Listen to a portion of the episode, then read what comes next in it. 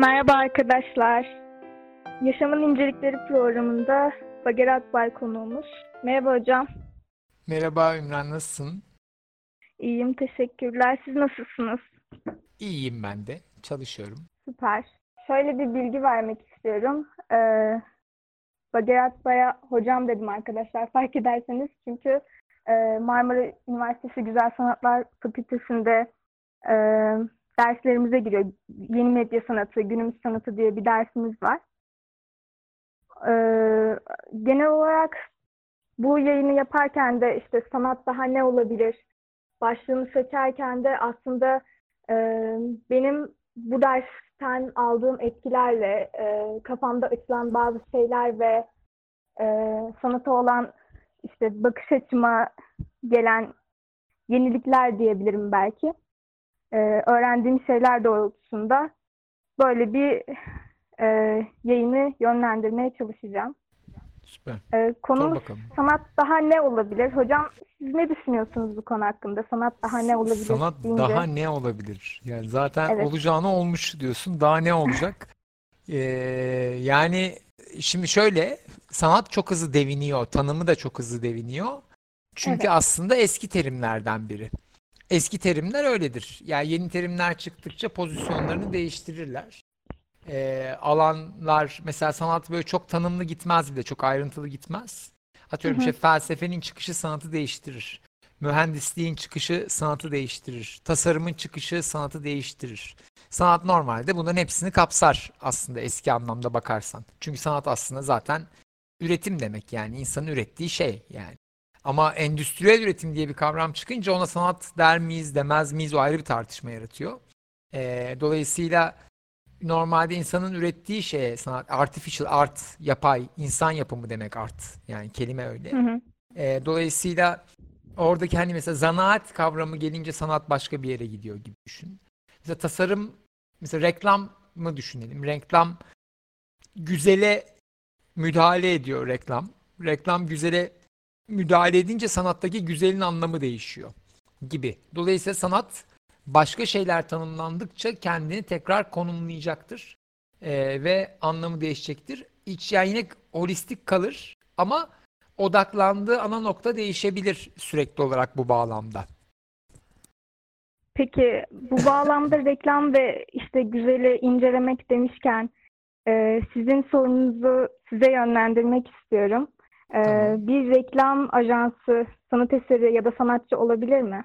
Ha güzel evet ders sorularından biri tamam. Derste Evet. şöyle bir uygulama yapıyoruz aslında belki ondan bahsetmek iyi olur. Yani derste Evet. hatta son 4 5 derste yaptık galiba ve çok güzel geçti. Ben bir soru atıyorum. Rastgele iki kişi işte 2-3 dakika bunu konuşuyorlar birbirleriyle sınıf içerisinde ama herkes yan yana konuşuyor böyle şey gibi. Kalabalık bir kafe ortamına dönüyor bir anda sınıf. Ee, ama sonra şey yapmıyoruz. Evet yani ne, ne buldunuz demiyoruz. İsterlerse getiriyorlar ortaya, isterlerse getirmiyorlar. Orada bırakıyoruz onu aslında. Herkesin inanılmaz hızlı bir şekilde konuya ısınmasını ve değişik şeyleri görmesini, birbiriyle iletişime geçmesini falan sağlıyor. Normalde çünkü şey düşünün bir derste ne kadar aktifsiniz yani çok azdır. Onu çok arttırıyor bu. Oradaki sorulardan biriydi bu da. Yani reklam ajansı sanat yapabilir mi?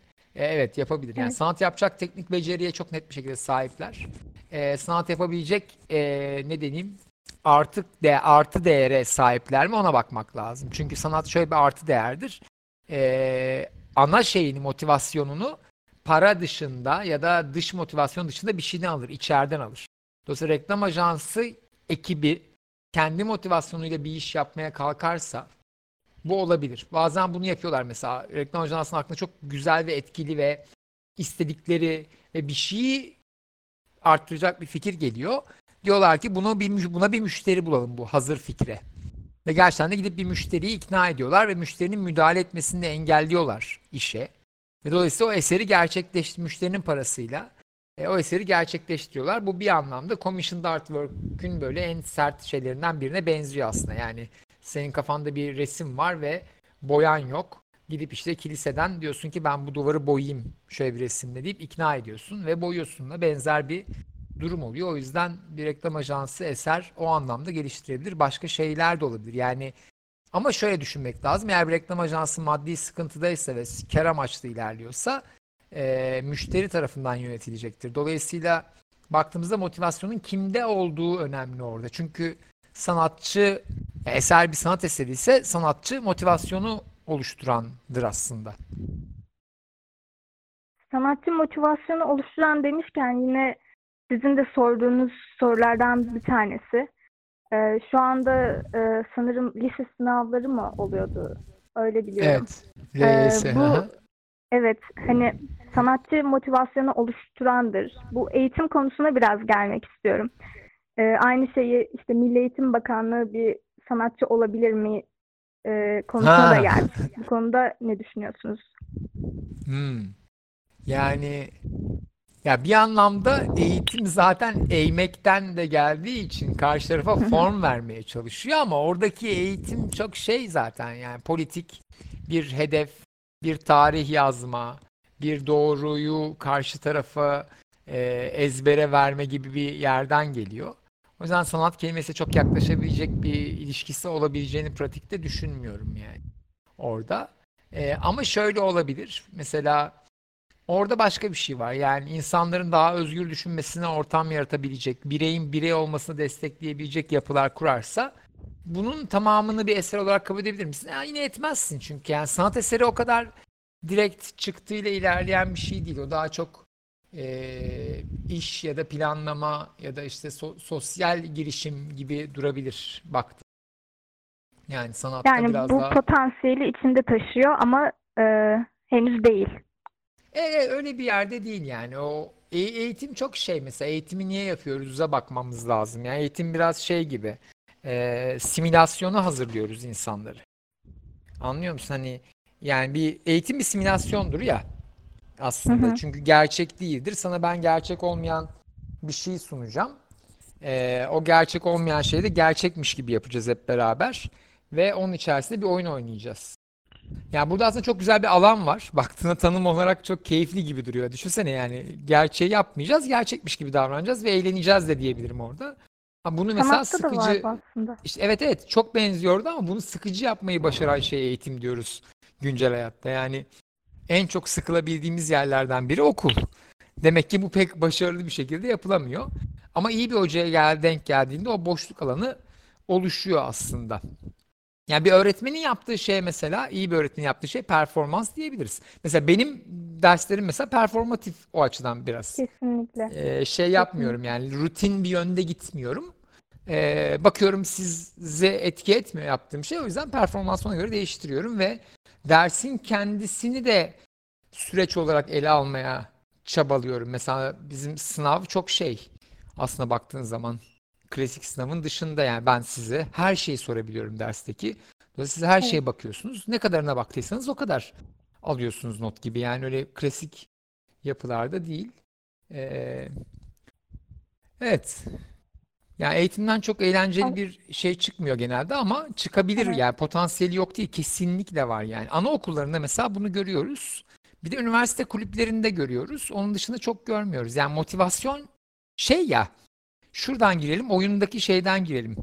Oyunu oyun yapan şey oynayan kişinin gönüllü olarak katılmasıdır ya. Evet. Ok- okulda gönüllü bir şey değil ya. Evet. Yani en azından ilk öğretim Hı, öyle En değil yani. azından K12 evet öyle ilk değil. öğretim. Aynen. E, yoklama zorunlu yani orada. Diğeri de muhtemelen para baskısı, çevre baskısı. Üniversitede öyle yani. Üniversitede ya buraya gerçekten isteyerek mi geldiniz? Hani diploma vermeyecekler size gelir misiniz desek hani herhalde 100 öğrencinin biri devam eder okula. E, dolayısıyla çok Kesin. gönüllü değil. E, o yüzden gönüllü olmayan bir şeyin öyle bir sanat gibi yani bir şeye dönüşmesi ihtimali yok. Motivasyon yok aslında. Motivasyon dış daha doğrusu. Yani biri seni yok yazacak.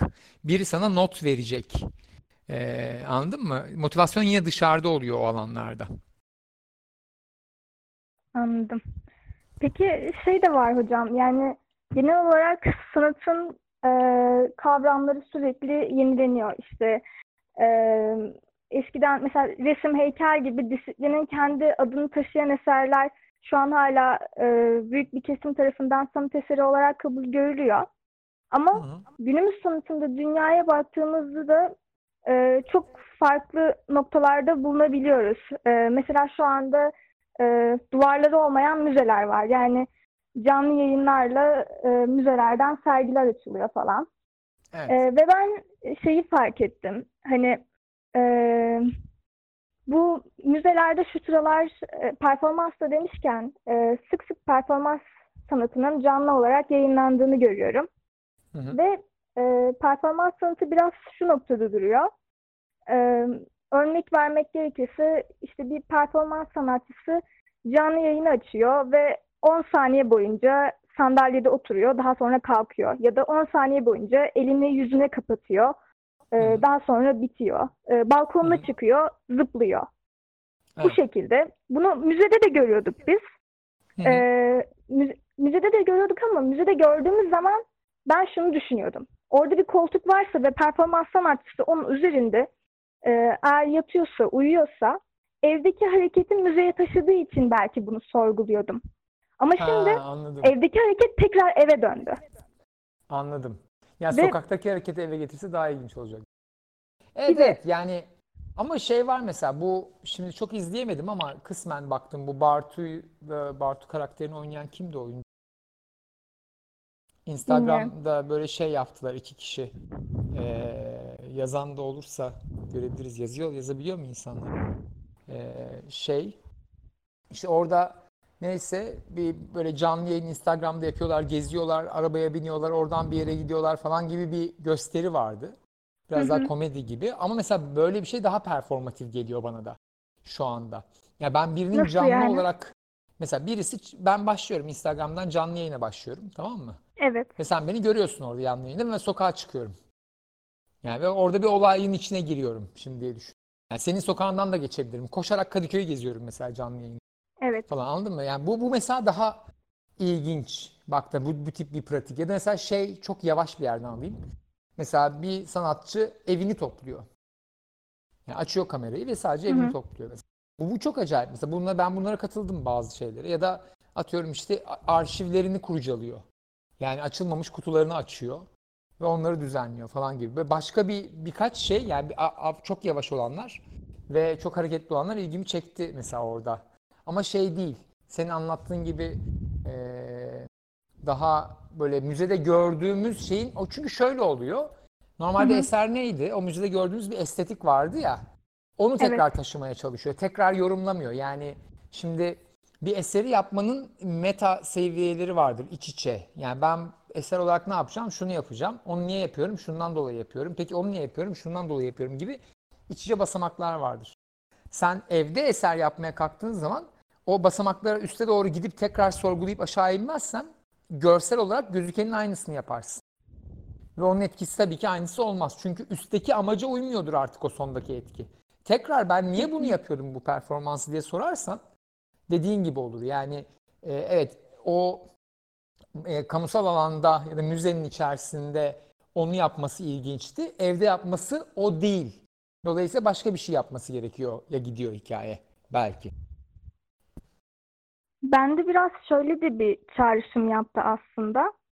Ee, biraz çok uzak olabilir ama hani bu evdeki insanın eve geri dönmesi ve müzede yaptığı şeyi evde tekrar yapması ve e, kendi bağlamında gö- e, uygulanması. Ee, biraz muz olayını hatırlattı bana. Hani muz işte mutfaktan çıkıyor, Hmm. e, sergi salonuna geliyor. E şimdi tekrar mutfağa döndü gibi. Hmm, evet. Evet. Yani bilmiyorum. Yani oradaki şey anladım dediğini e, doğru. Yani bir şey var. Bilmiyorum. Yani zaten çok mesela benim çok ilgimi çekmedi o tip performanslar. O yüzden çok da bilemiyorum üzerine ne diyeceğimi. Yani daha çok yani şey gibi şunu tercih ederim. Yani yeni gerçekliği kabul edip e, onun üzerinden iş yapmayı tercih ederim. Eski gerçekliğe tutunmaktansa. Dolayısıyla eski gerçekliğe tutunan işler benim için çok etkileyici değil şu anda. Ama yeni gerçeklikle ilgili bir şey yapıyorsa o ilginç olabilir. Anlatabildim mi yani? Nerede ya şu, şu çok basit bir şey mi ya? Sanatçı nerede olduğunun farkında olması gereken bir arkadaş. Yani e, Evet. nerede olduğunu, niye iş yaptığını. Dolayısıyla biraz onun farkındalığının düşmüş olmasını gösteriyor senin dediğin şey yani. Hani eve döndün arkadaşım yani. Başka bir şey Evet, olacak evet. diyorum orada. Hani o yüzden e, farklı bir yerden bakmak lazım.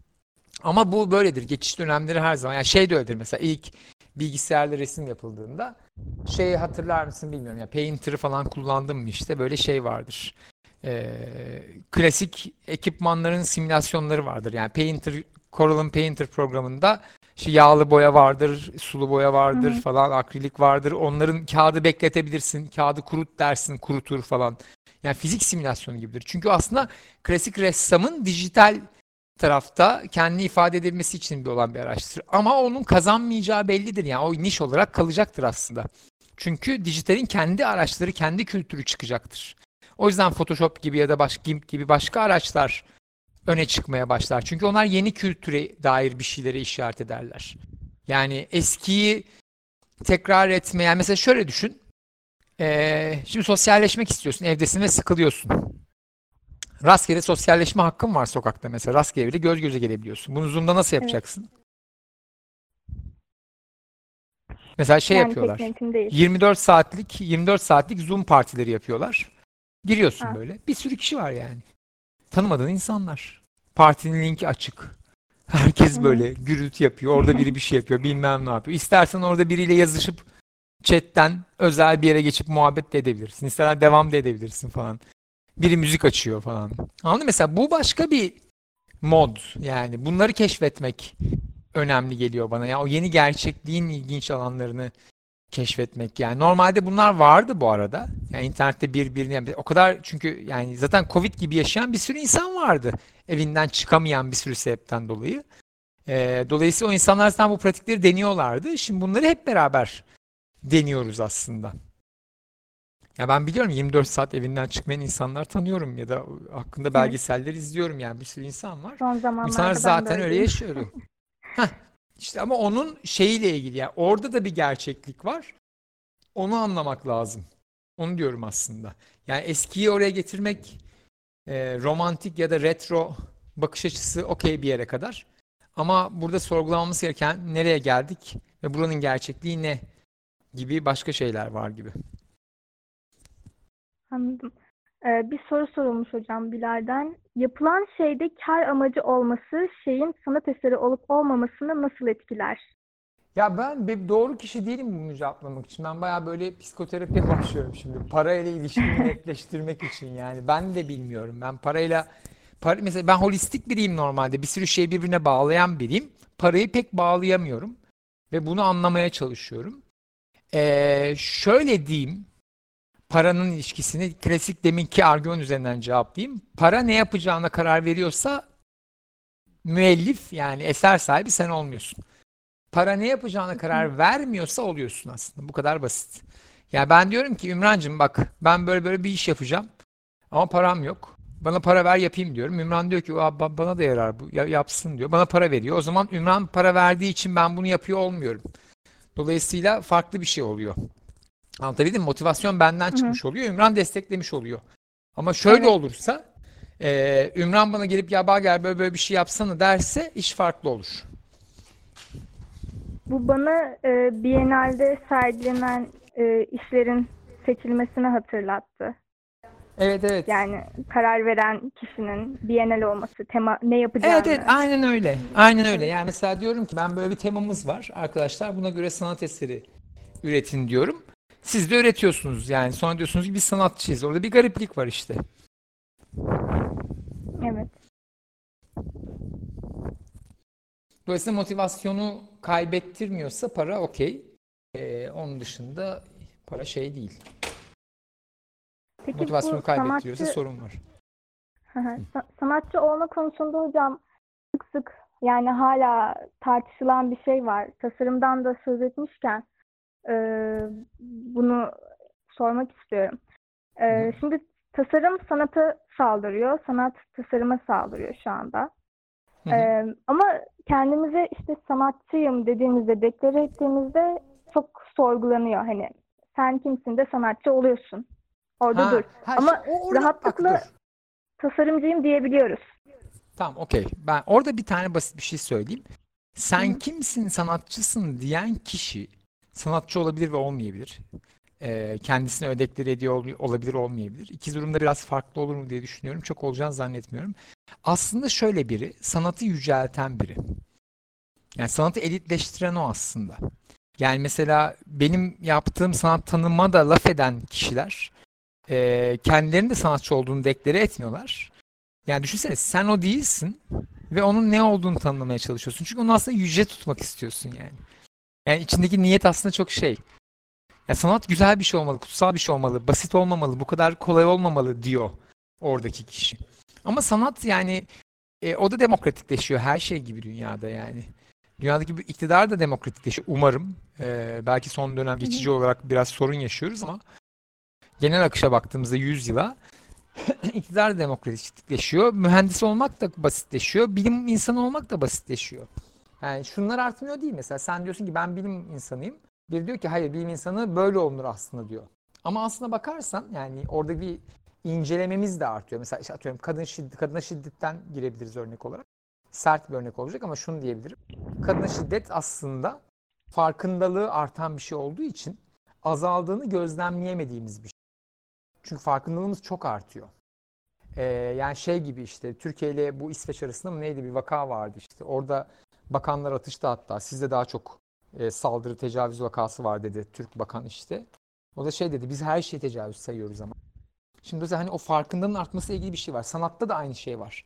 Yani e, sen sanatçı olduğunu düşünüyorsun. Hayır sanatçı öyle olmaz böyle olur deyip daha da abartı bir bariyer konuyor. Ama aslına bakarsan sanatçı temel anlamda yani yüz yıla bakarsan daha demokratikleşiyor. Daha çok kişi o araçlara ulaşabiliyor. Daha çok kişi bu kavramları sorguluyor. Yani normalde bizlerin haddine bile olmaz mesela. Benim olmaz mesela. Yani sanatla ilgilenebilme şansım, bununla ilgili konuşma ve ortam bulma şansım 50 yıl önce olamaz. Çünkü sanatçı bir aileden gelmiyorum.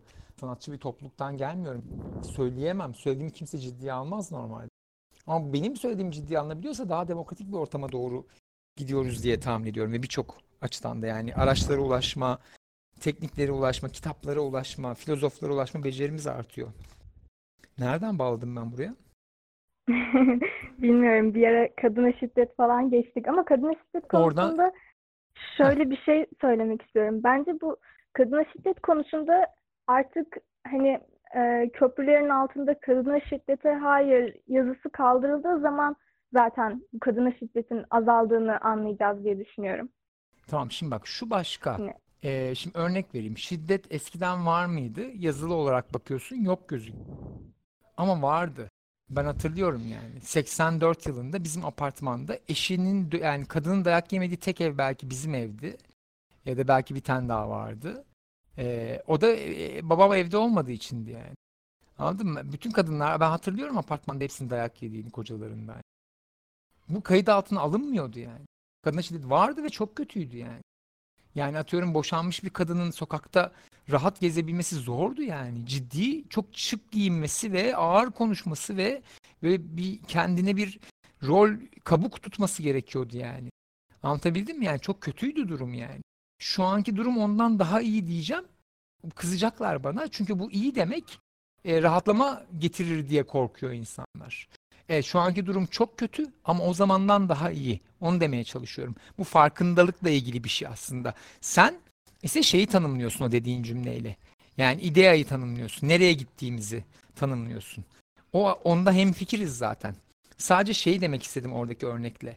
Yani e, kötüye gidiyor e, hissini yaratıyoruz ve bu aşırı derecede baskı yaratıyor üzerimize.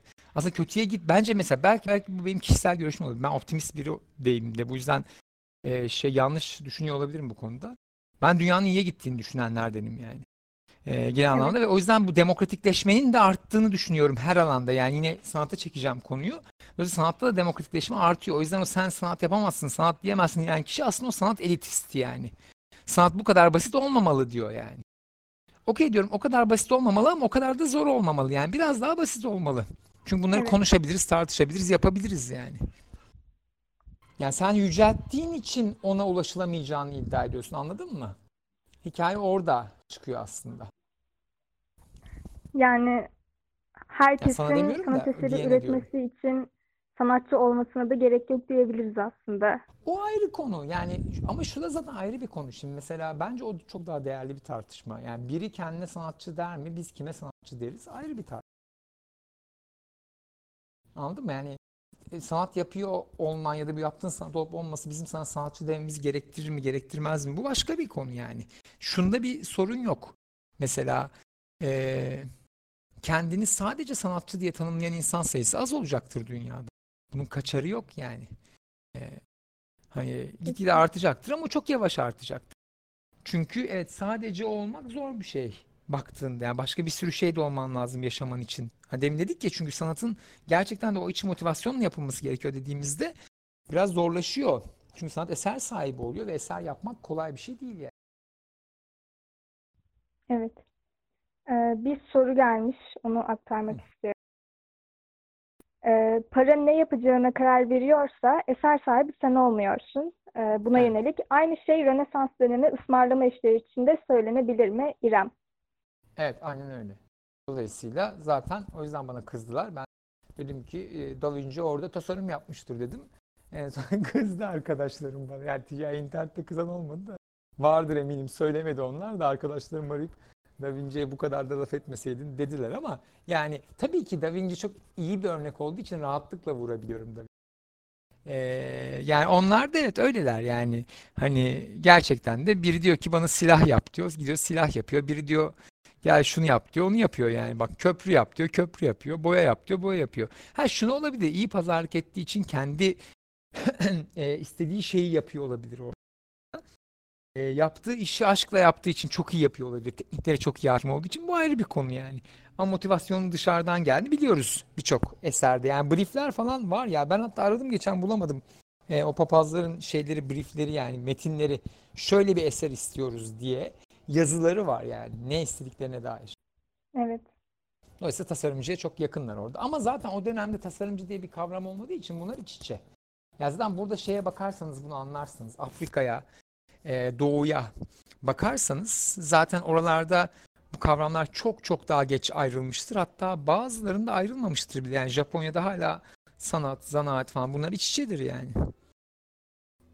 Hatta ayrılmaması daha iyi sonuçlar vermiş olduğunu söyleyebilirim bazı açılardan. Yani insanlar zanaat yaparken de işin içinde gerçekten de kendi motivasyonları, kendi aşklarını çok fazla koyabiliyorlar. Ee, Türkiye'de de var öyle zanaatkarlar ama az var. Bu Da Vinci konusunda yani şeye katılmıyorum ben. İşte Da Vinci son 500 yılın en iyi sanatçısıdır fikrine kesinlikle katılmıyorum. Çünkü gerekçe olarak şu gösteriliyor e, Polimat çok yönlü bir insandı. Hani ama bu en iyisi yapar mı? Günümüzde zaten sanat sanatçıları buna zorlamıyor mu? Yani her şeyi öğren, polimat ol, e, mühendis ol. Yani sanatçı olman yetmez ya da sanatçı olmak için bunların hepsini olmak zorundasın. Bunu demiyor mu? Yani birçok sanatçı zaten polimat günümüzde. E, ama o yine günümüzde oldu. 50 yıl önce öyle değildi günümüzdeki durumlar Rönesans birbirine benziyor zaten. Biz hatta Osman Koç'ta bir maker şeyle ilgili bir tartışmada ikinci Rönesans diye bugünden bahsederken öyle bahsetmiştik. Yani aslında evet şu an Rönesans'a biraz o açıdan benziyor. Tekrar polimatlık geliyor ama şöyle bir farkı var. Ee, o zaman her şey olabiliyordun. Şu an olamazsın. Şu an çok şey var. Yani hani insanlar ya benim ben mesela diyorum mesela benim mesleğimi anlatmak zor. Aslında o kadar da zor değil. 3-4 mesleğin, 5 mesleğin karışımı. Yani eskiden böyle her mesleğin karışımıydı meslekler. Ee, şu an mesela birçok yani dünyanın en iyi klimatının bilmediği bin tonlarca konu var anlatabildim mi? Yani atıyorum böcekleri o kadar iyi bilmiyor ya da işte e, ne bileyim işte kokteyl yapmayı bilmiyor ya da işte atıyorum işte enstrüman tasarlamayı bilmiyor falan. O dönem hepsini biliyor çünkü o kadar çok seçenek yoktu. Şu an zaten mümkün değil. Şu an şöyle bir şey var. Bir şey yapmak istiyorsun.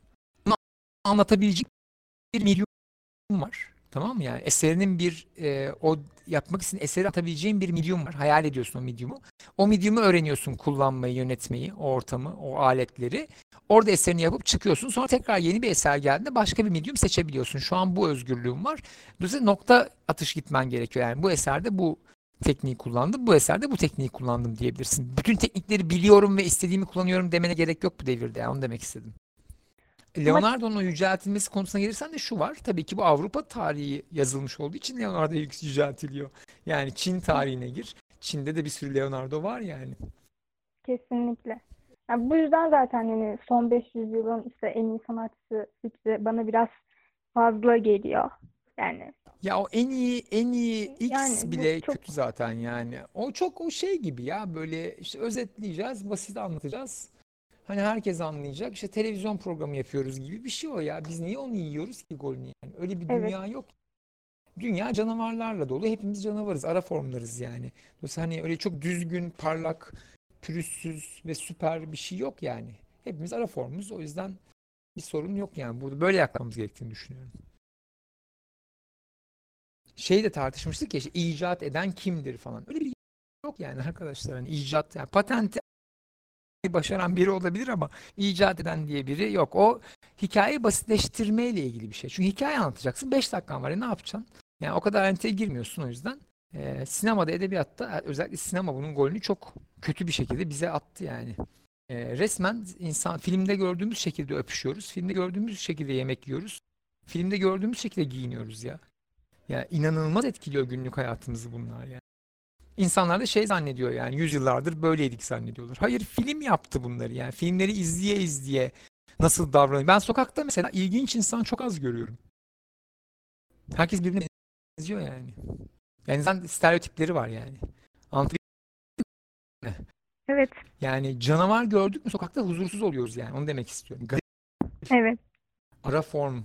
Ha, herkes bir şey olacak yani. Sen ha sen böyle bir çocuksun ha bu böyle bir adam bu böyle bir teyze falan falan.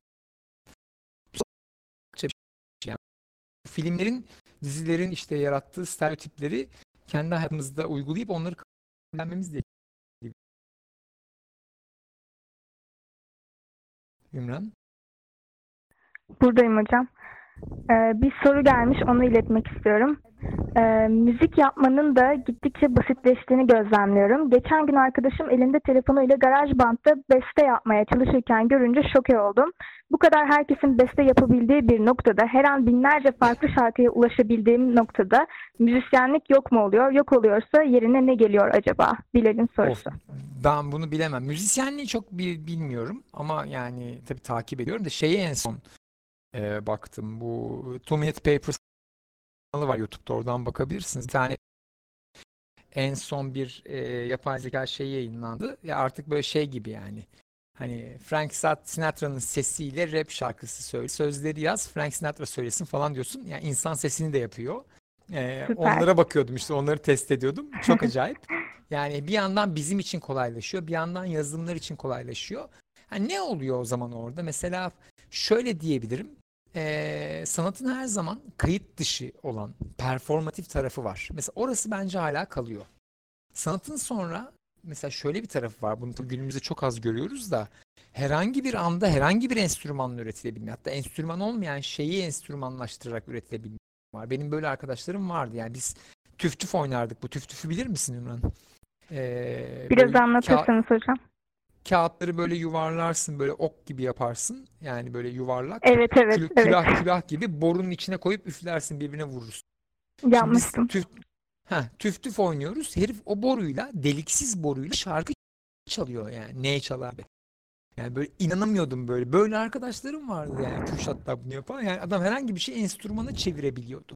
E dolayısıyla May ve Denki şimdi gibi. bu bu evet bu kalıyor yani anladın mı? Bu bu gitmiyor.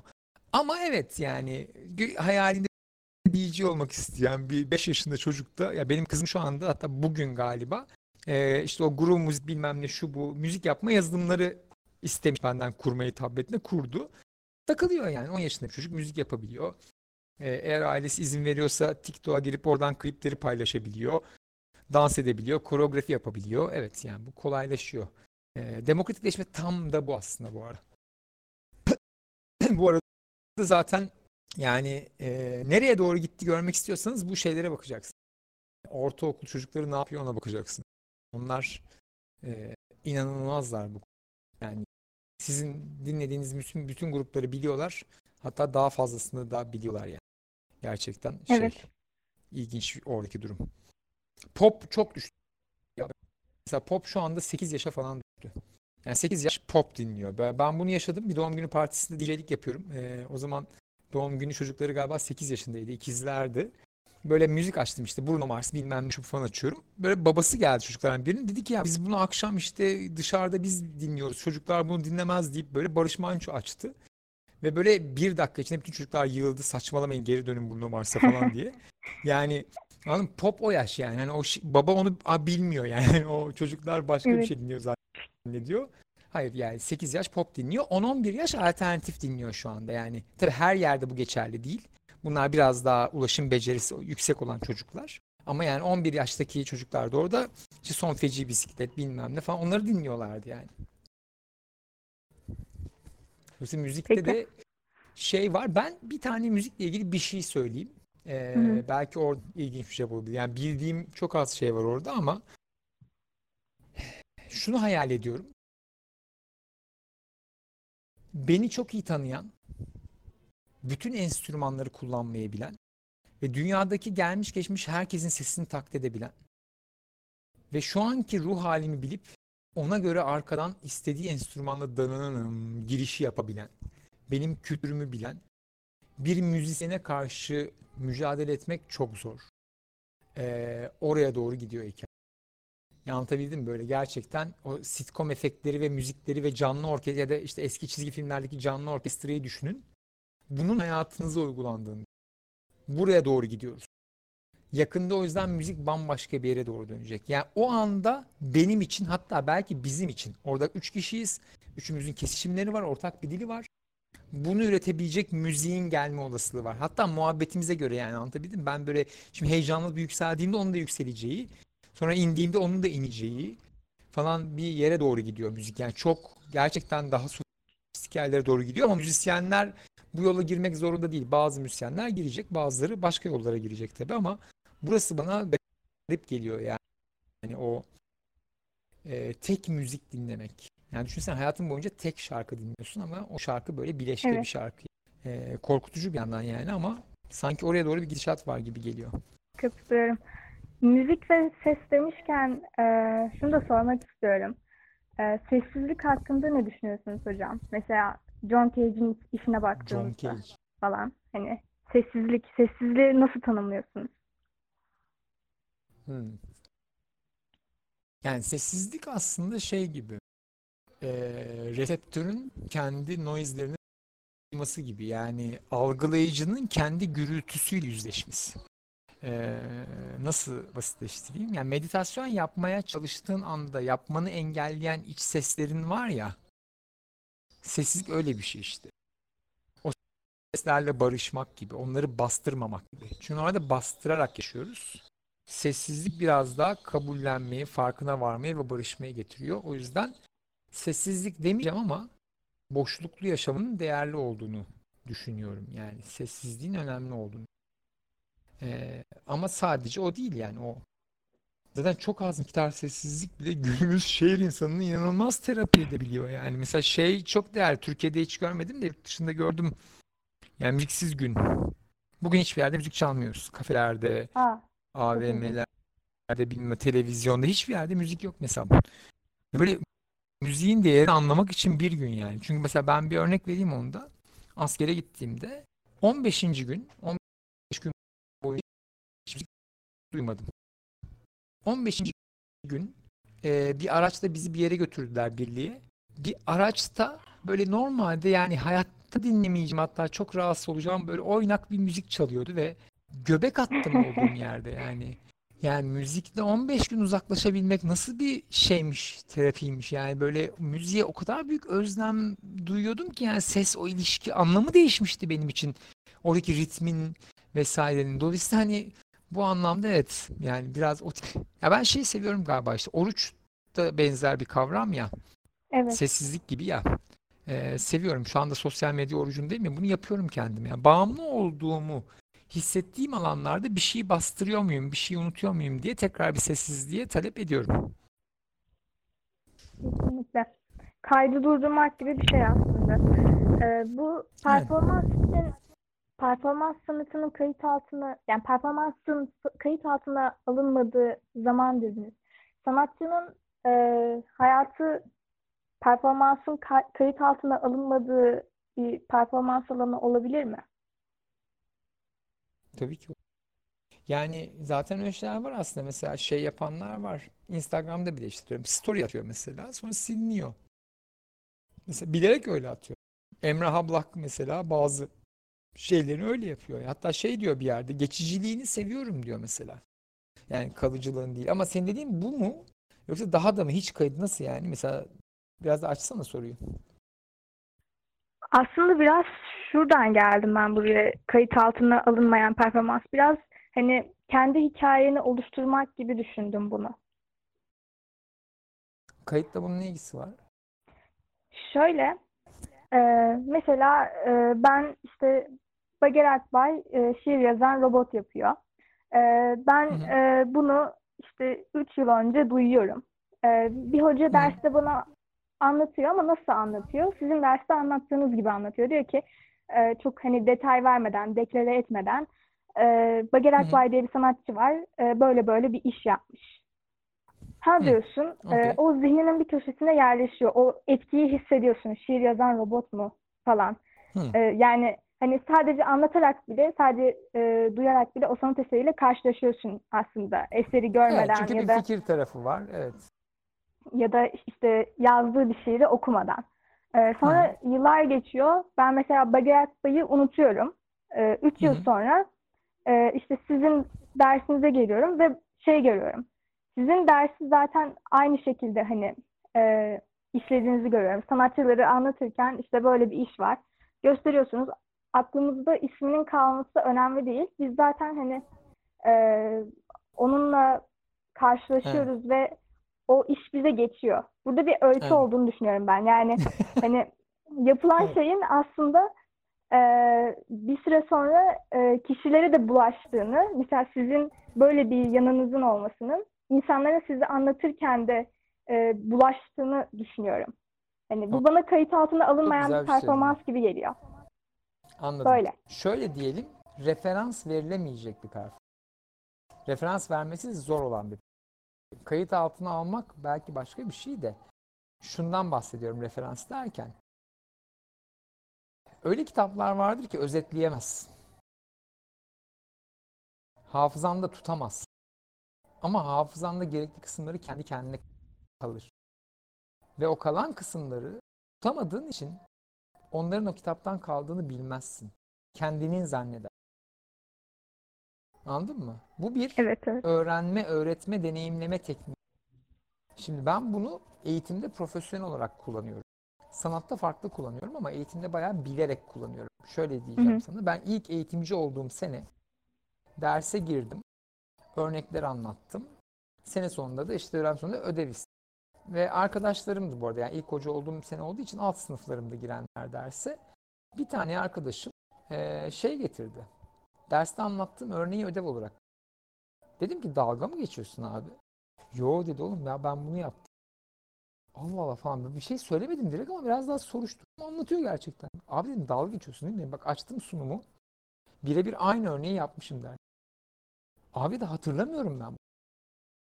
Sonra ben çok şaşırdım ve bunun üzerine okumaya başladım. Hatta John Maeda vardı benim çok sevdiğim MIT Medyalı'nın başındaydı o zaman. John Maeda'nın çok ağlak bir yazısını buldum. Böyle. Öğrenciler sizin fikirlerinizi çalarlar. Sonra da kendi fikirleriymiş gibi sunarlar falan diye böyle bir üzülmüş tamam mı? Yaz yazmış. Tam Ama tersi de olabiliyor. e, tamam işte ama yok tabii o ayrı konu. Herkes Evet. herkese yapabilir de. Şimdi bu öğretmen Evet. olarak hani orada anlatan o ya. Şimdi orada şunu Evet. fark etmemiş John Maeda sadece. Bu bir yöntem.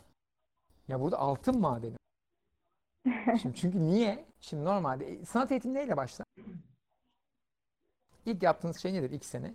İlk dönem? Teknik biraz. Reprodüksiyon değil mi? Reprodüksiyon, Evet, tekrar. reprodüksiyon. Ustayı gör, tekrar et. Ustayı gör, tekrar et. Bu nasıl bir Yazı şeydir? yazmak da böyle başlıyor hocam. Aynen öyle. Aynen öyle. Örüntü Dünyanın en yani. sıkıcı şeyidir reprodüksiyon. Doğru mu? Patlarız böyle sıkıntıdan. Yani Evet. nefret bir şeydir yani. Zendir yani. Meditasyondur. Yapamıyorsan yani. Şimdi bu demin anlattığım teknik keyifle kendinin zannederek reprodüksiyon yaptırma tekniği değil mi? Evet. Ha, anladın mı altın madenini? Öğrenciye kendi fikri zannettirtip usta işini tekrar ettirtebiliyor. Evet. Şimdi dolayısıyla bu bir anlatım tekniğine dönüyor. Dolayısıyla ben anlatırken o kadar çok sizi bombardımana tutuyorum ki usta işleriyle. Ve hafızanızda hiçbir şey tutmamaya çalışıyorum ki siz o bombardımandan bazı şeyleri içinize alıyorsun. Ve, ve bazılarını da otomatik reddediyorsun. Yani bazılarını görmezden geliyorsunuz, uygun gelenleri de alıyorsunuz. Aldıklarınızla yeni bir sanatçı kişiliği oluşturuyorsunuz ve bu arda arda 10 kere, 20 kere, 30 kere oluyor. Ve bu sayede bir sanatçı kişiliği oluşturuyorsunuz ve bu kişilik gerçekten de binlerce eserle ve kişiyle çarpıştığı için unik bir şey oluyor. Sizin şeyiniz oluyor ama şeyi hatırlamıyorsunuz ne ne sizindi, neye referans verdiniz. O yüzden hani kayıt deme dedim, referans dedim ya. Evet. Onun için dedim referansı veremiyorsun. Dolayısıyla kaynağını bir hatırlamadığım şeyi benim zannediyorum. Hani yayına Evet. bağlamadan önce de konuştuk ya bir cümle kuruyorum kaynağını hatırlamıyorum. O zaman benim zannediyorum. Bak ne güzel cümle kurdum ben ya. Vay ne akıllı adam falan diyorsun. Yani halbuki o hatırlamadığın şey ve belki de tam orijinal de değil. Çünkü tam anlamamışız konuyu. Mesela biri çok güzel bir konuşma yapmış. Ben de inanılmaz etkilenmişim. Ama konuyu tam anlamamışım. Ama anladığım şey de güzel. Yani biraz yanlış anlamışım ama o da, onun da bir güzelliği var. Oradan anlatıyorum ve daha da öznelleşiyor bu sefer hatayla. Ben genelde iletişim böyle kurulduğunu düşünüyorum. Mesela bunu eğitmenlikte şunu fark ettim. Yani insanlara isimleri ezberlettirmek, nerede ne olduğunu bilmek çok sofra abi yani. Çatal buraya konur, bıçak buraya konur, masa Evet. örtüsü böyle düzenlenir. Ama konu yemek yemek yani. Hı yemeğin hı. tadına varmak. Yani paldır küldür Evet. dalacaksın yemeğe. Ağzın yüzün ya kızım anlatıyor. Yani baba diyor ellemeden, yüzüme bulaştırmadan yemek keyifsiz oluyor diyor. Ağzımı Kesinlikle. şapırdatınca keyfi 10 katına çıkıyor diyor. Niye bu kurallar var sofrada diyor. Çocuk çok haklı yani. Anlatabildim mi? Dolayısıyla bu adetler, örfler yüzünden eğitim gerçekleşmiyor. Çünkü on, o kadar forma takılmışız ki özü yok etmişiz orada. Problem orada. O yüzden Evet. o öze dönmemizi sağlıyor bu teknikler biraz. Bu e, çocukken bana çok oluyordu. Yani hani bir şey biliyorum. Mesela başkasının e, anısını kendi anım zannederdim falan. Hani Hmm, anlatıyor ama evet, onu ben yaşadım zannediyorum. Evet, ben yürümeye başladığım anı hatırladığımı zannediyordum. Sonra böyle benle bir hafta uğraşıp kuzenimin yürümeye başladığı anı olduğunu buldular yani. Her şeyi anlatıyordum. Divandaydım, şöyle oldu, böyle oldu falan. Yani böyle acayip. Evet.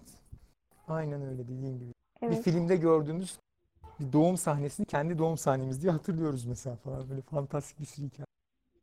Kesinlikle. Peki şey Hafıza de garip sormak bir konu. istiyorum. Galiba zaten bir sonraki Evet. işim bu olacak bu arada. Mahlası bitirince hafızayla Mahlas'tan biraz bahseder misiniz hocam? Mahlas'tan nasıl bahsedeyim ya? O çok karışık değil mi? Şöyle bahsedeyim. Evet, ya bu çok basitçe bahsedeyim. Mahlas şu sebepten çıktı. Deniz Yılmaz kendi işlerini kendi organize edemiyor ya. Bir fan grubu onun adına nasıl edebilir sorusundan çıktı. Evet. Ama geldiği nokta şu.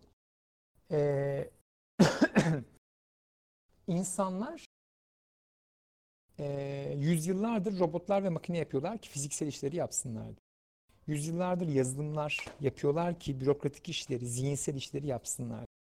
Ama liderin yerine geçecek hiçbir şey tasarlamıyorlar. Yani işçinin, her tür işçinin beyaz yaka, mavi yaka yerine geçecek sistemler tasarlıyoruz ama liderin yerine geçecek tasarlamıyoruz. Mahlas aslında bu governance denilen, yönetişim denilen konu ile ilgili denemeler yapabileceğimiz bir alan gibi. Yakında da yapacağız. İsteyen mahlas.network'e girip oradan Hı hı. bir şey var oraya subscribe olabilir.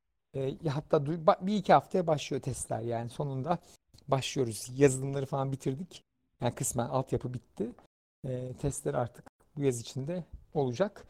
Ee, daha fazla spoiler vermeyeyim. Sonrası ilginç. Çünkü konu çok karışık olduğu için şöyle yapmam gerekiyor benim. Mesela şey gibi düşün. Şimdi Deniz Yılmaz'la ilgili spekülasyon yapabiliyorum ve sen bana sorular soruyorsun cevap verebiliyorum ya. Evet. Deniz Yılmaz bir hikaye kitabı olsaydı bunu yapamazdık. Deniz Yılmaz bir karakter ve onun etrafında bir hikaye var ya. Onu yapabiliyoruz. Zaten hikaye kitabı olsaydı kimse duymazdı. Çünkü bu kadar büyümezdi konu. Ben şunu yapıyorum eser üretme tekniği olarak bir şey, bir heykel, bir e, durum ya fiziksel bir şey kuruyorum. Bir performans falan gibi ya da fiziksel bir şey yapıyorum yani. Herkesin görmeyeceği. Sonra onun üzerinden spekülasyon yapıyorum. Dolayısıyla Mahlas'ta da bunu yapacağım. 2-3 tane vaka olacak. Çok büyük olay çıkacak. O olayları kaydedip onun üzerinden spekülasyonu tekrar yapabileceğiz. Çünkü o zaman insanlar dinlemek isteyecekler ne demek istediğimi. Çünkü olay onları tetikliyor. Yani nasıl şiir yazan robot tetikliyor ve dinliyorsun ya. Evet. Orada da mesela şey gibi düşün. yazılımın yürüttüğü bir çay ocağı falan Hı hı. gibi garip hikayeler olacak böyle. Evet. Onlarla tetiklenip izleyeceğiz hikayeyi. Bu arada Umarım. Deniz Yılmaz da beni tam aksi tetikledi. Yani Deniz Yılmaz'ın robot olması değil de e, Deniz Yılmaz'ın belki de vatandaş olabilme ihtimali. Yani sizce Deniz Yılmaz halktan biri midir mesela? Evet evet ama öyle bir robot olması zaten. Yani Hmm. Deniz Yılmaz zaten aslına baktığında birçok yani bir bilgisayara şiir yazdırmak çok ciddi bir problem değil. Ee, aslında basitçe yapılabilen ve yüzlerce kez yapılmış bir şey. Orada onu unikleştiren, biraz unikleştiren onun per, imper, personasının kurulmuş olması ve onun üzerinden buna inat eden insanların oluşmuş olması ve buna bastırmaya çalışmamız ve orada oluşan hikayeler. Hı hı. Anladın mı? Orada bir hak savaşı var. Yani bir Yani- drama var yani. Evet. Deniz Yılmaz'la ilgili hani bu toplulukla gelişen bir şey olduğu için ben direkt hani mesela Deniz Yılmaz'ın bilinci yok gibi bir soruya verdiğim cevap zaten bilinç toplumun kendisi haline geliyor. Çünkü hikayeyi beraber yazıyorlar. Aynen öyle. Zaten işte Mahlas da oraya oynuyor tam olarak. Evet. Ee, onu başaracak diye ümit ediyorum bakalım. Tamam süper. Bir soru gelmiş. Onu okumak istiyorum. Tabii. Ee, bu gerçeklik içerisinde değişen performatif işlerde biricikliğin ve o anda onu deneyimleme etkisinin daha farklı hale gelmesi ve bedenlerin birbirinden uzak olduğu noktada vücut dilinin sınırlanması sanatı nasıl etkiliyor? Bu değişim Nelerin dönemi birbirinden uzak olması? E, bu gerçeklik içerisinde değişen performatif işlerde hani performatif işlerin Hı hı. e, şu anki halinden bahsettik ya. Biricikliğin ve yani e, o anda onu deneyimleme etkisinin e, canlı yayında değil de o anda e, deneyimleme etkisinin daha farklı hale gelmesi ve bedenlerin birbirinden uzak olduğu noktada hani araya ekran giriyor. Vücut dilinin sınırlanması sanatı nasıl etkiliyor? E, bu değişim dönemi bizi sınırlıyor mu yoksa bu sınırların içerisinde yeni gerçekliklerin oluşmasını mı sağlıyor şeklinde anladım ben. Zeynep'in sorusuymuş. Okey yani aşağı yukarı aslında bahsettiğimiz şeyleri söylüyoruz. Yani tam olarak hani eee, özetlemiş gibi hatta bir kısmını eee, Evet. anladığım kadarıyla. Eee, şey yani evet bence de yeni gerçekliklerin oluşmasına sebebiyet veriyor ve eee, tabii ki farklı bir deneyim yani. O tiyatroda mesela ben severim. Şimdi tiyatroda bir yönetmen koltuğu vardır. Böyle hafif işte sağ çapraz ya da sol çapraz dördüncü, beşinci koltuktur orası. Böyle yönetmenin Evet. genelde oturduğu ve Evet. görüntüyü optimize ettiği açı vardır. En arka ilginçtir. Köşeler falan. Bir de en önler ilginçtir. En ön köşe çok ilginçtir mesela. Yani en kötü kadraj oradadır böyle. Garip bir kadrajdır. Bazen ya oyuncuyu yandan izlersin falan. Dolayısıyla şimdi orada başka bir şey var yani. Ee, webde evindesin izlerken yani. Dolayısıyla performans da etkiyi oldukça düşürüyor. Şöyle ayağa kaldırabilir. Seni onun gerçek olduğuna ikna etmesi lazım. Yani şey gibi düşün. e, World of Warcraft oynuyorsun ve böyle 12 saatlik bir raid'in içindesin ve tam bir şeyi öldürecekken işte e, oyunu kaybetme ve raid'i kaybetme olasılığın var falan. Böyle kalbin yani 180 atıyor nabzın ama bilgisayar başında ve koltuktasın yani. Anladın mı? Yani bunun gibi bir şey yaratması lazım o performansın. Sanatçıların bir kısmı bu konularda deneyimli ama çoğu değil. Yani bana bu kadar gerçek hissettirebilmesi için eee bayağı bir hikaye oluşması lazım orada. Öyle bir gerçekliği yaşadığım online performans hatırlamıyorum. Evet o konuda yani o medium'da deneyimli değil çoğu sanatçı onu söyleyebilirim. Zor bir şey yani yapılabilir. Performans sanatçıları elbet öyle şeyler bulacaktır diye düşünüyorum ama şu anda beni o kadar şey yapar. Tabii böyle de olması gerekmiyor. Çok daha naif de olabilir ama biraz yükselişi, inişi, o draması, dramaturjisi olması gerekiyor. Hikayenin bizi orada hissettirmesi lazım gibi geliyor. Ya da bir Evet. camdan bakıyormuşuz gibi hissettirmesi lazım. Ya da yani şey de çok ilginç olabilirmiş mesela. Köpeğin kafasına kamera takıp sokağa salıp Instagram'dan yayınlamak yani canlı olarak. Hani yani bunun Bunu- kayıtlarını görüyorduk ama canlısını görmedik Evet hiç. evet. Bu şey yapılmıştı. e, iki yıl önce bir arkadaş fotoğraf bölümünden bitirme projesini e, drone'la izin alarak yapmıştı. Kuşlarla çalışmıştı. Yani kuş nereye gidiyorsa bir kuşun yanında drone'la onunla aynı yere gidiyordu. Yani Şimdi kuş etkisini vermek Canlı için. yaptığını düşün. Şimdi o video değil mi? Video kayıt Evet. o. Kurgu var falan filan. Şimdi öyle değil. Bu canlı E, şey. VR Şu an- gerçeklikti. Hayır, o okey o da iyi ama bu, şöyle düşün. Şu anda başlıyor. Saat 8'de drone çıkacak yola yani. Biz de izleyeceğiz. Başına bir şey Evet. gelebilir, yolda martı saldırabilir falan. Orada başka bir gerçek. Orada bir canlılık var. Performansın canlı olmayla ilgili bir durumu var zaten. Yani. Evet, Kaydı olasılıklar. da ilginçtir de. Yani örnek veriyorum. Çok basit bir örnek veriyorum. Türkiye'de vardı bir grup da adını hatırlamıyorum. Ee, onlar bankamatiği yapıyorlardı tabii de. Bankamatik kameralarına performans yapan bir grup vardı. Ee, güvenlik kameralarına falan. Şimdi mesela düşünsene gidiyorsun. İnsan şu an güvenlik kameralarını izliyorlar. Mesela bir sürü kişi evden çıkamadığı için. Evet, Tam sokağa çıkma yasağı günü onlar orada bir performans yaptığını düşün yani. Anlatabildim mi? Süper. Gerçekten bir sürü kişi. Bunun Evet, gibi harika. yani anladın mı? Yani orada istiyorsan başka bir şeyle yap. Yani lazer pointer'la yap. Sen çıkamıyorsan. Bilmiyorum işte. Uzaktan kumandalı arabayla yap. Yani ne bileyim işte bir şeyle yap o, o canlılık var orada yani. Ya da hile yap yani. Siz şeyi yayını hackle yapıyormuş gibi yap. Birileri gitsin sonra gerçek yayına geç falan. Yani bilmiyorum işte bir sürü şey olabilir. peki. Ee, Bilge'nin sorusu var. Tasarım ile sanatı nasıl ayırt edebilirim? İşlevsel bir eser üretmeyi planladığımda kaygı yaşıyorum demiş. Ha işlevsel bir eser. Kim yani bilmiyorum. Bu işlevsel eserin ne olduğu ile ilgili tartışmamız lazım. Onun ne olduğunu söylersen e, ona bakabiliriz de Evet, tasarımla sanatı normalde şöyle ayırabilirsin ama ayırmak zorunda değilsin bu arada. Onu söyleyeyim.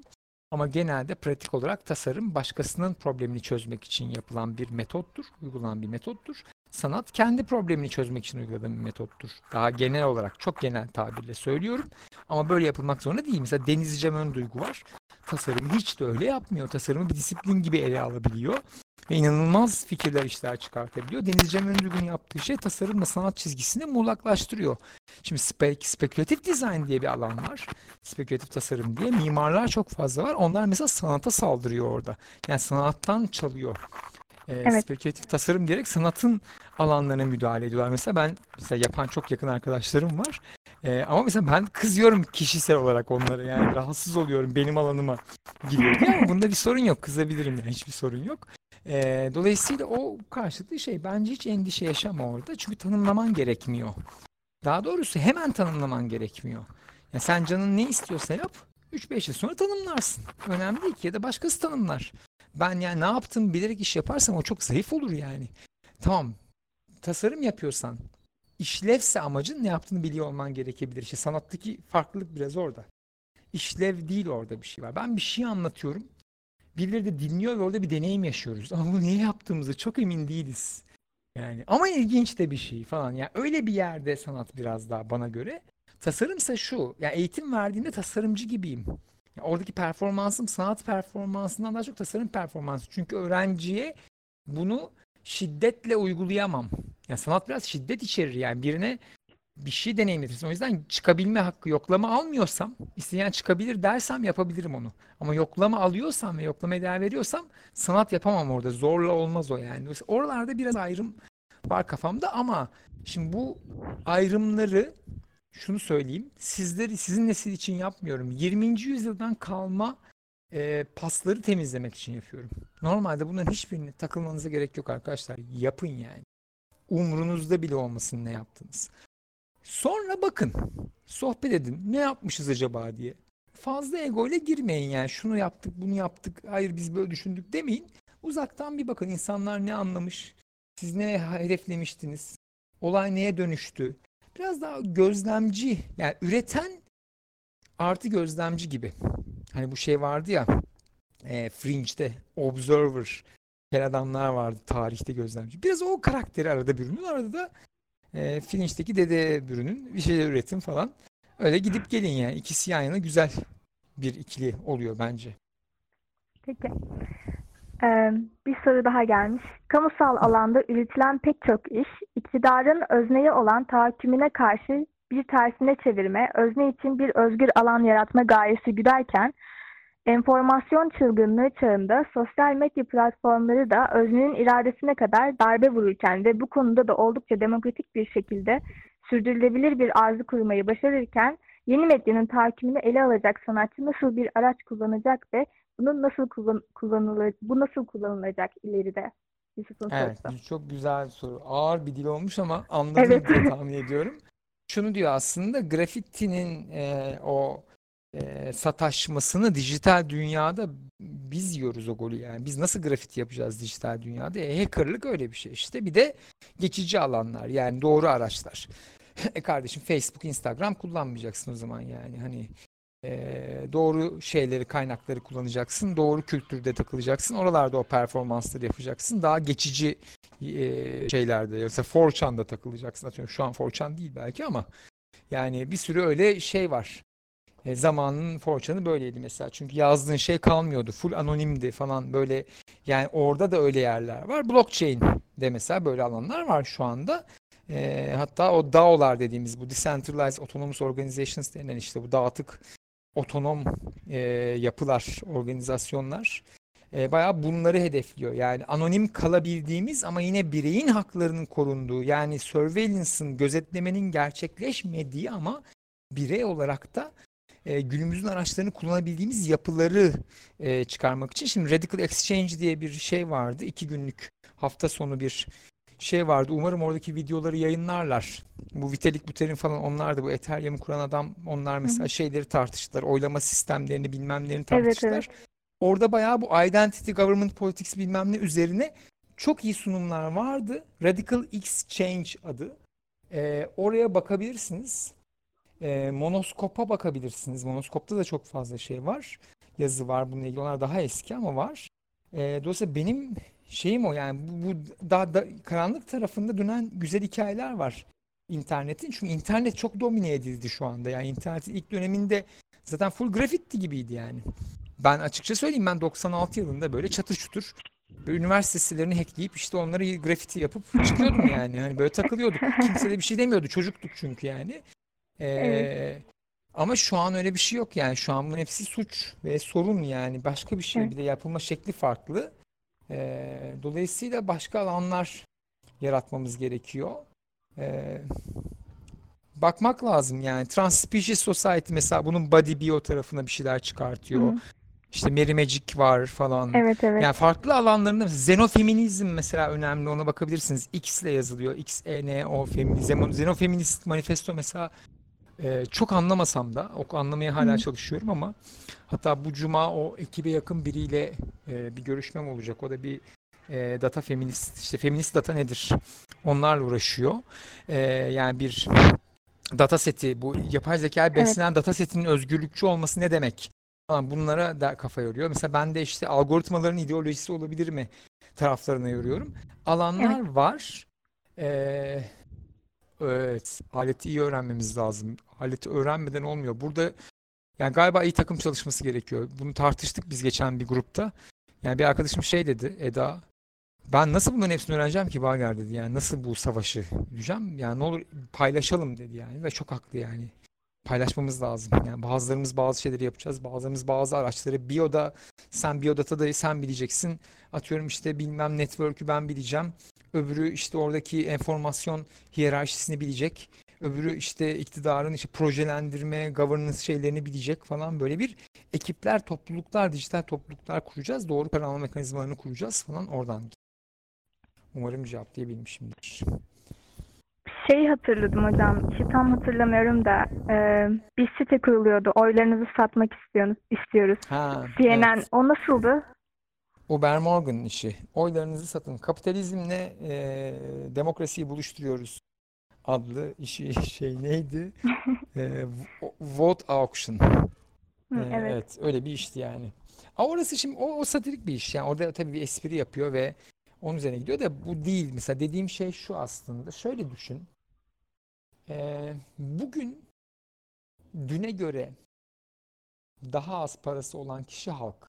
Yani daha çok para harcayan halk. Yani zengin daha çok parayla bitiriyor günü dün. Halk ise fakir ise daha az parayla bitiriyor. Doğru mu? Dolayısıyla fakir daha çok para harcadı aslında. Emeği yapan da halk, parayı harcayan da halk, emeği yapan da halk, e, emek karşılığında üretenin çoğunu alan da ama karı alan başka biri. İşte bu sistemlerin, bu yapıların nasıl olması gerektiğine dair pratik ve bu arada o para ilişkisini sağlıklı kurabildiğimiz yapılar lazım. Ben orayı kuramıyorum dediğim gibi hani psikoterapi alıyorum dedim ya onunla ilgili. bulmaya çalışıyorum ben de. Niye kuramıyorum? Para niye kirli geliyor bana? Ya ben de anlamaya çalışıyorum.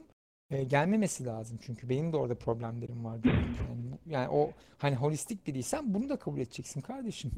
Yani anladın mı? Onu niye ayırıyorsun? O niye ayrı bir şey? Onu niye dışlamışım? Onu görmem. Ee, bazen yapıyorum mesela feminist topluluklarda falan. Şirket kuralım arkadaşlar diyorum. Kızıyorlar bana. Ee, kızacakları için diyebiliyorum burada. Kuralım deseler ayvayı yiyeceğim ama o yüzden hani zorluyorum, deniyorum. Bakalım. E, Mahlas bana bunları çözecek. Yani işte bak o da ilginç. İşte bak eseri anlamak için yapıyorum bir konuyu. Kendi yaramın üzerine kuruyorum yani eseri. Aslında. Neyse. Ya Deniz Yılmaz'da da öyle. Ben sanatçı olma kendi davam o benim aslında. Onun davasıyla kuklalaştırıyorum anladın mı? Yani kuklanın dilinden anlatıyorum kendi hikayemi. Neyse. Evet. Ee, bu CNN meselesinde aslında hani e, oylarınızı işte satalım muhabbeti dönerken hani başka bir grup satın alıyor ya işte biz iş adamlarıyız falan diyor ama adamlar Hı. aslında hacker. Ee, bana şey düşündürdü. Heh. Hani bu bir haber programında oluyor. Bir haber programı sanat eseri olabilir mi? Hayır o gösterildiği alan oluyor. Yani onun Hı. mecrası oluyor aslında. Anladın mı? Mesela bir tiyatro sahnesi bir tiyatro eseri değildir ama onun mecrasıdır. Dolayısıyla CNN tabii ki onun Mecra. mecrası olur. Yani sen ana haberde performans yapabilirsin. Belki de. Yani kameranın arkasından dil çıkartıp çıkan tipler var ya o da bir performans yani. Çok iyi olmasa da. Ama yapılır Evet. yani. Gidip şey mesela ilginçti işte bir ülkede gidip sunucuyu longs diye öpüyor böyle yani. Hani Evet. birisi böyle ve orada kalıyor böyle mesela. O çok şeydi yani şaşırtıcı garip bir şeydi. Tabii kadın erkeği öptüğü için olay çıkmadı ama e, neyse o da ayrı bir konu. E, aslında o da bir şiddet yani net bir şekilde. E, ama okuma şekli farklı. Ama mesela performans alanı olabilir tabii canım. Olur yani. Evet. Ee, peki başka soru soru. Bagerat Bay gelecekte ne yapmak istiyor? İşte mahalası bitirmek Ünlem. istiyorum. Sonra hafızayla uğraşmak istiyorum birazcık. Ee, bir de Mağla aslında çok uzun süre bana şey yapacak yani bitirebilsem çok uzun süre bir oyun alanı yaratacak bana. Ve bu sefer de dünya çapında bir oyun alanı yaratacak. O yüzden biraz daha e, rahat edeceğim muhtemelen. Ee, çünkü Deniz Yılmaz lokal bir işti. Ben onu yurt dışında şey yapmadım. Bir o var derdim. Onun dışında şey istiyorum yani. Ya kalıcı güzel şeyler yapmak istiyorum ya. Biraz hayrım dokunsun istiyorum. Eğitimle ilgili bir sürü şeyle uğraşıyoruz. Başka bir okul mümkün derneğindeyim ben. Ee, orada eğitim projeleri geliştiriyor insanlar. Beraber çalışmalar yapıyoruz. Daha geçen gün şeyler işte çatışma çözüm üzerine rehberler yayınlandı falan böyle. İşte demokratik yapılar, onarıcı şeyler, onarıcı adalet üzerine falan işte dokümanlar çıkartılıyor ve bunlar çok etkili oluyor. Öğretmenler öğreniyor, onlar sınıflara aktarıyor. Toplum bu dönüştürecek şeyler oluyor bence olumlu yönde. Toplum olmamızı sağlayacak şeyler. Çünkü iki tane şey var. Bir teknoloji okuryazarlığı, aletleri bilme ve topluluk olabilme. Bu ikisinin yan yana gelişmesi gerekiyor. Onlar da çok heyecanlandırıyor hayatımda. Bir de kızımın büyümesi ve onunla beraber bir şeyler yapabilmemiz, konuşabilmemiz çok heyecanlandırıyor. Genel olarak bu yani böyle gider herhalde. Evet, bu arada arkadaşlara e, TEDx Bagerat Bay ve e, Masal Akbay konuşmasını öneririm. Çok Evet. keyif almıştım ben izlerken. Deniz de gelmişti sanırım Masal'ın arkadaşı. Evet, evet. O çok zor bir konuşmaydı. Çocuklar O- ne ben- istiyor Yani siz gibi. onun sahne arkasını izlemeniz lazım. Asıl hikaye orada. Yani o kadar politiktiler ki, o kadar politiktiler ki. Yani şu an söyleyemem bana sahne arkasında söylediklerini. Ödüm patladı sahne önünde söyleyecekler. Yani şey derler, ezberletmiş çocukları çıkarmışlar derler. Yani benimle Evet. dalga geçtiler resmen. Ee, çok kuvvetliler. Bütün politik hikayeyi biliyorlar. Ve bana çıkışta şey dedi masal. Bak o kadar da zorlamaya gerek yokmuş işte çıktık oldu dedi yani. Mı? Böyle hiç inanılmazlar sanki. Onlar çok rahattı ya. Ben ben orada böyle politik ya mesela şey şöyle bir örnek vereyim. Aa, Bir gün boyunca biz prova yaptık, sohbet ettik onlarla ısınmak için. Diyorum ki mesela okulda müdür kararlarınızı işte ne kadar etki ediyor? Nasıl bir karar alma yapısı isterdiniz okul? Mesela masal şey diyor. Yani müdüre falan gerek yok. Hatta bence hiçbir türlü yöneticiye, başkana, cumhurbaşkanına hiçbir şey gerek yok. Yani biz kendimiz yaparız falan diyor. Böyle Deniz hayır diyor işte biz bize çocuklara bırakırsa anarşi çıkar bilmem ne diyor ve buradan bayağı bir anda böyle politik tartışmanın dibine giriyorlar ve örnekler girmeye başlıyor. Bak şu şöyle yapıyor, o yönetemiyor buraya, bu bilmem ne oluyor falan diye böyleler. O yüzden çok korkutucu bir e, konuşmaydı benim için aslında. Kanter içerisinde çok yavaşça sorular sorup çok üstlenemeyip çünkü orada mesela pislik yaptılar bana yani sorulara farklı cevaplar verdiler. Hani ya anlatabildim mi? Yani mesela diyorum ki Deniz'e, Deniz işte robotik uygulamalar yapıyor okulda falan. Deniz neler yapıyorsun falan bu konularda. Öyle bir şey yapmıyorum dedi.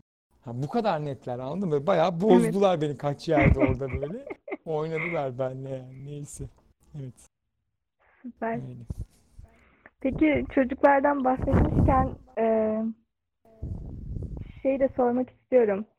E, çocuk Bager Akbay'dan bugünkü Bager Akbay'a kalan ve değişmeyen şey hala e, o bende var dediğiniz şey nedir? Oh, şimdi psikoterapi seansına hoş geldin. Koltuğa oturup bence bir sürü şey var. Ya daha doğrusu şöyle. Bunları nasıl okuyorum diye bak. Mesela birçok sorunumu ya da tarzımı kızımda görüyorum ve oh be diyorum ben bu ben böyleymişim zaten. Yani mesela benim kızım sürekli yani sürekli konuşuyor ve ben artık şey diyorum ona yani. Beni dinlemiyor bazen konuş cevap veriyorum dinlemiyor. Masalcığım artık şey öğrettim yani monolog diyalog falan biliyor. Monolog mu yapıyorsun diyalog mu diyorum. Monolog diyor. Ben tamam diyorum devam ediyor yani. yani benle konuşuyormuş gibi konuşuyor. Kendi konuşuyor mesela falan. Dolayısıyla diyorum bu, bu hata bende çocukluktan beri varmış mesela anladın mı? O zaman bunu iyileştirmek Evet. istiyorsan benim bunları çalışmam lazım gibi. Ee, Ben şey tartışırken var. yapıyorum bunu çocukluğumdan beri. Sana demiyorum ben falan. Evet, evet değil mi? Aynen öyle. Kendi kendi tartışıyorsun. Evet. Ya canım konuşmak istiyor babacığım diyor yani. Ne yapayım diyor yani. Durduramıyorum diyor işte yani. Öf ya bana kardeş yapın diyorsun. Neyse bir bende de aynı şey vardı. Ee, şey var mesela. Bende de o var. Kendini sevdirme ihtiyacı. Ben mesela iyilik adı altında yaptığım şeylerin çoğunun böyle bir bencillik olduğunu fark ettim. 4-5 sene önce bende. yani. Neden? Hani iyilik diye yapmıyorum onu. Kendimi sevdirmek için yapıyorum. Anladın mı? Ben bir bencillik yapıyorum yani. Orada bir hani kötü bir bencillik olmayabilir ama bencillik abi o yani. Yapıcı bir şey. Ben, Evet. yani doğal bir şey değil o yani. Anladın mı? Herkesin yardımına koşman falan gerekmiyor yani. Bir otur. Hayır de kardeşim yani. Bir karakterin olsun. Her şeye evet deme yani. Yani sanata benim geçmem çok zordu arkadaşlar yani. Ben, ben her şeye evet diyen bir adamdım. Benden sanatçı falan olmaz yani. Tasarımcı olur yani. Mühendis olur anlatabildim mi? Hani kendi problemime gelemiyordu sıra insanların problemine uğraşmakta. Sonra dedim yeter ya gidin başımdan. Yapmayacağım yani. Bir gün telefon açtı bir arkadaşım. Bager'cim şöyle bir yardıma ihtiyacım var dedi. Çok işim var dedim. Kusura bakma dedim. Kapattım telefonu. Hiç işim yoktu. Ve iki gün kendi kendimi yedim yani o telefonu geri açıp abi yapayım dememek. Bunu kendime zorla öğrettim mesela. Böyle şeyler yaşadım yani. Çok zorlanarak yaptım bunları ama yapmam gerekiyor. Bu değişimi Ee, tetikleyen bir şey oldu mu peki? Hangi dönemde oldu acaba? Gezi dönemi. Ama geziyle ilgisi yok bunun. Bunun şeyle ilgisi var. Hı hı. Sanat yapmaya tekrar geri dönmemle ilgisi var. Çünkü biraz şeyle ilgisi var. Ben olmakla ilgili yani. Çünkü sanat yapmak biraz öyle bir şey yani. Sen kimsin kardeşim? Ne istiyorsun bu hayatta diye Evet. sorarlar adam. Kendime yolculuktayım. Kendimi Evet. arıyorum. Evet. evet. Bazı insanlarda bu doğuştan var. 3 yaşında çocuk yani böyle duruyor ağır ağır konuşuyor anladın mı böyle? Ben böyle istiyorum kardeşim diyor. Mesela ben öyle diyebilen biri değildim. Ben birini duymazdan gelebilen biri de değildim. Bunları öğrenmem gerekiyor mesela gerek geldiği zaman. Hala eşim şey diyor mesela eleştiriye çok hassas. Mesela bunları azaltmam lazım yani. Hani takıyorum kafaya ufacık bir eleştiriyi mesela ve takmam. Mesela ben şeyim ya mesela ekranda çok rahat gözüküyorum. Ya da şimdi konuşurken çok rahatım ya. Evet. Mesela Flu TV'de çekimden çıkıyorum. İki gün depresyondayım yani. İki gün ya. 48 saatte kendime geliyorum. Anladın mı? Dolayısıyla yani istemiyorum yani. Sahne önünü seven biri değilim bu arada. Artık çok eminim. Yani yapabiliyor olabilirim. Performansım kötü olmayabilir ama ben kuklayı seviyorum. Yani saklanayım arkasına kuklanın öyle yapayım. Benim kendimi güvenli hissettiğim alan o yani. O yüzden Deniz Yılmaz iş yapınca çok hoşuma gidiyor yani. Hani orada o arkadaki hikayeleri Ben yapmak. yokum gibi mi? Evet ama zaten tekil bir kukladan bahsetmiyorum. Ben kukla oynattım. Yaklaşık 4 Evet, sene, evet. 5 sene oynattım. hı. Ve o kukla da şöyle bir kuklaydı. 5 kişi tek kuklayı oynatıyorduk. O yüzden alışkınım buna. yani. Bildin mi? Yani 5 kişinin oynatabildiği büyük bir kuklaydı. Ee, o yüzden tek başıma hani ben anlatayım kukla üzerinden derdimi anlatayım gibi bir derdim yok. Ama ben gözükmeyeyim. Etkim de kaynamış bir şekilde gözüksün. Evet. Öyle. Ya bu aslında hani mahlas diyoruz ya hani ben mesela eskiden yazı yazarken e, şey düşünürdüm. Çocukluğumdan beri sanatçı olacağım diyordum büyüyünce falan. Bir yandan da içimden şey tedirginliği oluyordu. Ya fikrim değişirse hani e, bir yerlere yazılar yazıyordum. Mesela diyelim ki işte Wattpad'de yazı yazıyorum, kitap yazıyorum falan. Ama hep e, farklı bir isimde yazıyordum ki hani e, ileride çıkarsa o ben olmayayım falan diye. Hmm. Böyle Evet. bir durum vardı bende de. Anladım. Hafızaya karşı seninki. Yani onun Galiba. sorumluluğunu almak istemiyorsun sonra. Evet. Ben alıp utanıyorum. Evet belki ben de biraz anlıyorum ya Deniz Yılmaz da onu yapabilir. Çünkü onun hikayesini anlatıyorum ya benim değil kardeşim yani beni suçlayamazsınız falan diye hemen kıvırarak yandan kaçıyorum yani. Evet, zaten bu mavi kitaba bakabilir isteyenler. Kontrol Odaları diye bir kitap var. Kontrol. Library Genesis'te var. Bager diye ararsanız çıkıyor zaten. Mine'nin yazdığı bir kitap. Mine Kaplan yazarı. Orada aslında biraz bunların hikayeleri anlatıyor. İsteyen bakabilir onlara. Tamam, bunu e, sunucuya bırakırız şimdi. Süper. Peki sanırım daha fazla soru yok hocam. E, eklemek istediğiniz bir Dağılalım. şey var mı? Yok acıktım o yüzden Süper. O zaman bir şeyler Mutfağa. yiyeyim. Arkadaşlar geldi her şey mutfakta başladı. Meri meri. Evet. Tamam. O zaman sizi Teşekkür öpüyorum. ederiz hocam. Soru soranları dinleyenleri ederim ben. Teşekkür ederim. Peki. Ee, Çok teşekkürler. Sevgiler, saygılar. Görüşürüz. Sevgiler. Görüşürüz.